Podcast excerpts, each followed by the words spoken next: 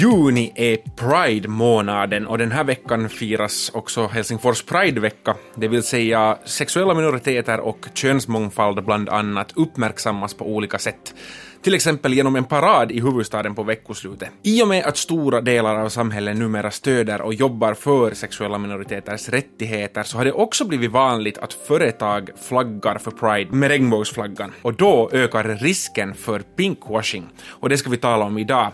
Det här är Nyhetspodden, jag heter Simon Karlsson och med mig har jag Svenska Yles ekonomireporter Patrik Schauman eh, som har satt in sig i det här ämnet. Patrik, vad menar vi när vi talar om pinkwashing? Då talar vi om det att ett företag gör reklam för att vara just liksom tolerant mot uh, sexuella minoriteter, kanske använda regnbågsflaggan eller något sånt i sin marknadsföring. Men sen är det nödvändigtvis inte alls så att det på riktigt är väldigt vänligt eller gör någonting aktivt åtminstone för den här frågan liksom in i sin organisation eller något sånt här, utan det blir då bara ett marknadsföringstrick. Så det blir pinkwashing när man har pridevänlig marknadsföring som inte sen motsvaras i eh, gärningar. Gärningar, mm. precis. Uh, no, då är det ju frågan sen den att hur, hur ska vi veta som konsumenter, som vanliga människor, att ett företag faktiskt jobbar aktivt med sådana här frågor, tar ställning kanske med sin anställningspolicy eller med vad man donerar pengar till eller liknande. Finns det något sätt alltså att ta reda på det här? Jo, nej, svarar jag på det här sättet. För de flesta så är det säkert liksom så att, att det, i praktiken är svaret nej.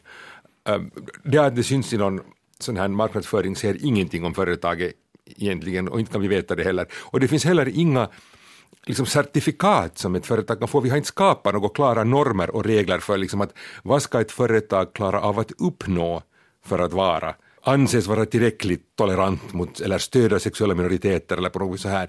Det var man kan säga att, att, att förstås så skulle det behöva vara någon form av systematiskt strukturerat arbete in i organisationen där man så att säga främjar sexuella minoriteter, men hur ska det se ut, det vet vi inte heller. Så att um, i praktiken är det väl då ett nej. Um, sen om man är jätte, jätteintresserad av de här frågorna och har bra kontakter så kan man ju kanske få tag på personer som representerar sexuella minoriteter som jobbar i det här bolaget. Vi har sociala medier och sånt här nu för tiden. Det är liksom lite lättare än förr att på något vis få faktiskt information inifrån företaget och få någon uppskattning. Någon kan berätta att min chef är åtminstone alltid jättehygglig eller någon kan säga att nej det här fungerar inte alls så bra, det här syns bara i marknadsföringen. Och så kan man få veta det, men det kräver en ganska aktiv insats som jag tror att de flesta konsumenter kanske inte beredda att göra, men om man nu tycker att de här frågorna är viktiga så då kanske man har det här intresset och då kan man nog få kanske veta lite mer. Det finns en viss dimension av vissa företag som har samröre med organisationer som arbetar mot eh, sexuella minoriteter. Kan det vara, eh, om man skulle göra ett certifikat, måste det handla om vad man gör eller kan det handla om också vad man låter bli att göra? Eh, det här är ju problematiskt, till exempel Um, nu, jag kan inte något bra exempel från Finland, men om man tittar på USA till exempel finns det företag som marknadsför sig som vänliga och tycker att de själva liksom främjar sexuella minoriteter, men så råkar de sen stödja politiska uh, kandidater och andra som egentligen motarbetar de här rättigheterna. Och då går det ju på det sättet liksom att det här går i kors. Och då mm, framstår det plötsligt det här företaget inte alls som lika vänligt mera i Finland har vi ju inte liksom på samma sätt ett politiskt system där alla politiker är så beroende av privata donationer. Men det är klart man måste titta på en helhet här sedan. Och det blir sen det är svårt att avgöra, kanske det här är en av orsakerna varför vi inte har ännu något klart certifikat, för det är aldrig riktigt enkla frågor här. Mm. När vi talar om certifikat alltså hela tiden så vill jag säga det att, att därför är det eh, kanske relevant för att det här jämförs ofta med sån greenwashing, det vill säga sån här grönmålning. Ehm, man har ju tagit det här begreppet pinkwashing egentligen från det här och då är det företag, när det gäller grönmålning är det ju företag som ger sig ut för att vara mera miljövänliga än vad de är. Och där har man ju äh, försökt gå in och skapa en massa olika certifikat för hur miljövänligt ett företag nu skulle måste vara och, och så finns det en massa olika miljömärken som olika företag kan då ha som ska säga åtminstone någonting och de har åtminstone klara kriterier. Man vet i alla fall vad det står för. Det finns olika mätbara eh, siffror helt enkelt, utsläpp eller hur mycket skog något företag planterar. Jo, eller liksom processer och standarder, de har förbundit sig vid någonting och man kan gå och läsa vad det här betyder, att man antingen ska vara med i något utvecklingsarbete eller att man ska vara liksom, jämfört med andra konkurrenter på en viss nivå, någonting sånt här. Och det, liksom, det säger någonting. Mm, mm.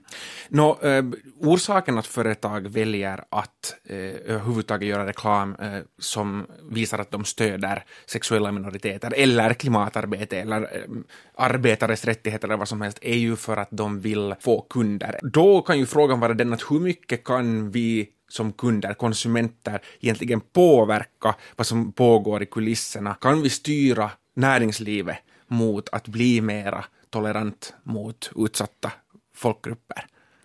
Det här är en jättebra och enorm fråga i själva verket, skulle jag vilja säga. Ehm, det tråkiga här är ju det alltså att i praktiken är väl svaret att vi inte kan göra hemskt mycket.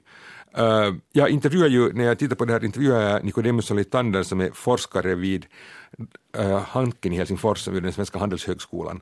Och, ehm, han var nog mycket kritisk. Han har tittat på det här i 20 år och han har inte hittat ett enda liksom problem som världen skulle ha löst med hjälp av konsumenternas sån här påverkan. Uh, och det är ju ett dåligt vitsord, alltså, det, måste man ju, det måste man ju säga. Uh, man kan ta, han kan titta på, liksom, uh, man tittar gärna, det här är lite konstigt, men vi, vi, vi bor ju i Finland och vi ska förstå att vi är ett, liksom ett nordiskt välfärdsland och vi har våra egna regler och våra egna system och här är det på ett sätt, men man tittar gärna på USA för det är på något vis så renodlat, man tycker man får se på ett renodlat kapitalistiskt system så får man se hur det fungerar. Och så ställer, börjar man ställa sig frågan att hur var det till exempel med slaveriet? Det var ju en sak som man fick avskaffat, att det var liksom bra att man åstadkom det. Nå, hur mycket var det någon slags kundtryck där? Nå, ingenting alls, det var nog helt andra processer som ledde dit. Och så går man igenom så här olika eh, problem som man tycker att har lösts eller som man tycker att borde ha lösts och så tittar man hur mycket har kunderna lyckats påverka. Mm. Och det här är egentligen frustrerande för samtidigt är ju alla överens om att eh, konsumenterna har egentligen en enorm makt. Företagen ger just det vad vi köper. Liksom, sen försöker de övertyga oss med reklam om att vi vill ha det vad de tillverkar, så det är ju en växelverkan där. Men, men äh, om vi alla skulle vilja ha då, gula bilar med ljusröda ränder så skulle vi bara se sådana i våra bilbutiker. Men, men så är det inte, utan vi vill inte ha dem och om ett företag skulle försöka lansera sådana bilar så skulle det antagligen gå i konkurs. Och vi ser hela tiden, det finns en massa företag som går i konkurs för att de liksom på något vis, de lyckas inte hitta köpare. Nokia det här, det här... är ju ett paradexempel från Finland hur det går när man inte följer med konsumenternas önskan, det vill säga för då iPhonen kom så ja. gick eh, Nokias mobiltelefonförsäljning ner ganska radikalt på kort tid. Alltså företag som inte tar konsumenterna på allvar överlever inte. Mm. Uh, så att um, konsumenterna har en enorm makt. Och då kan man ju fråga sig varför är det här så illa att vi inte har fått till stånd någonting? Men då finns det hemskt många olika saker som gör att det blir väldigt komplicerat. Um, en av de um, sakerna är ju liksom vår kunskap om det här företaget. Just som vi har sagt, om vi tittar just på sådana värderingar som är viktiga när vi talar om sexuella minoriteter eller miljö. Så hur ska vi, när vi ser på den här produkten så kan vi inte riktigt veta att på riktigt att hur bra är det här företaget?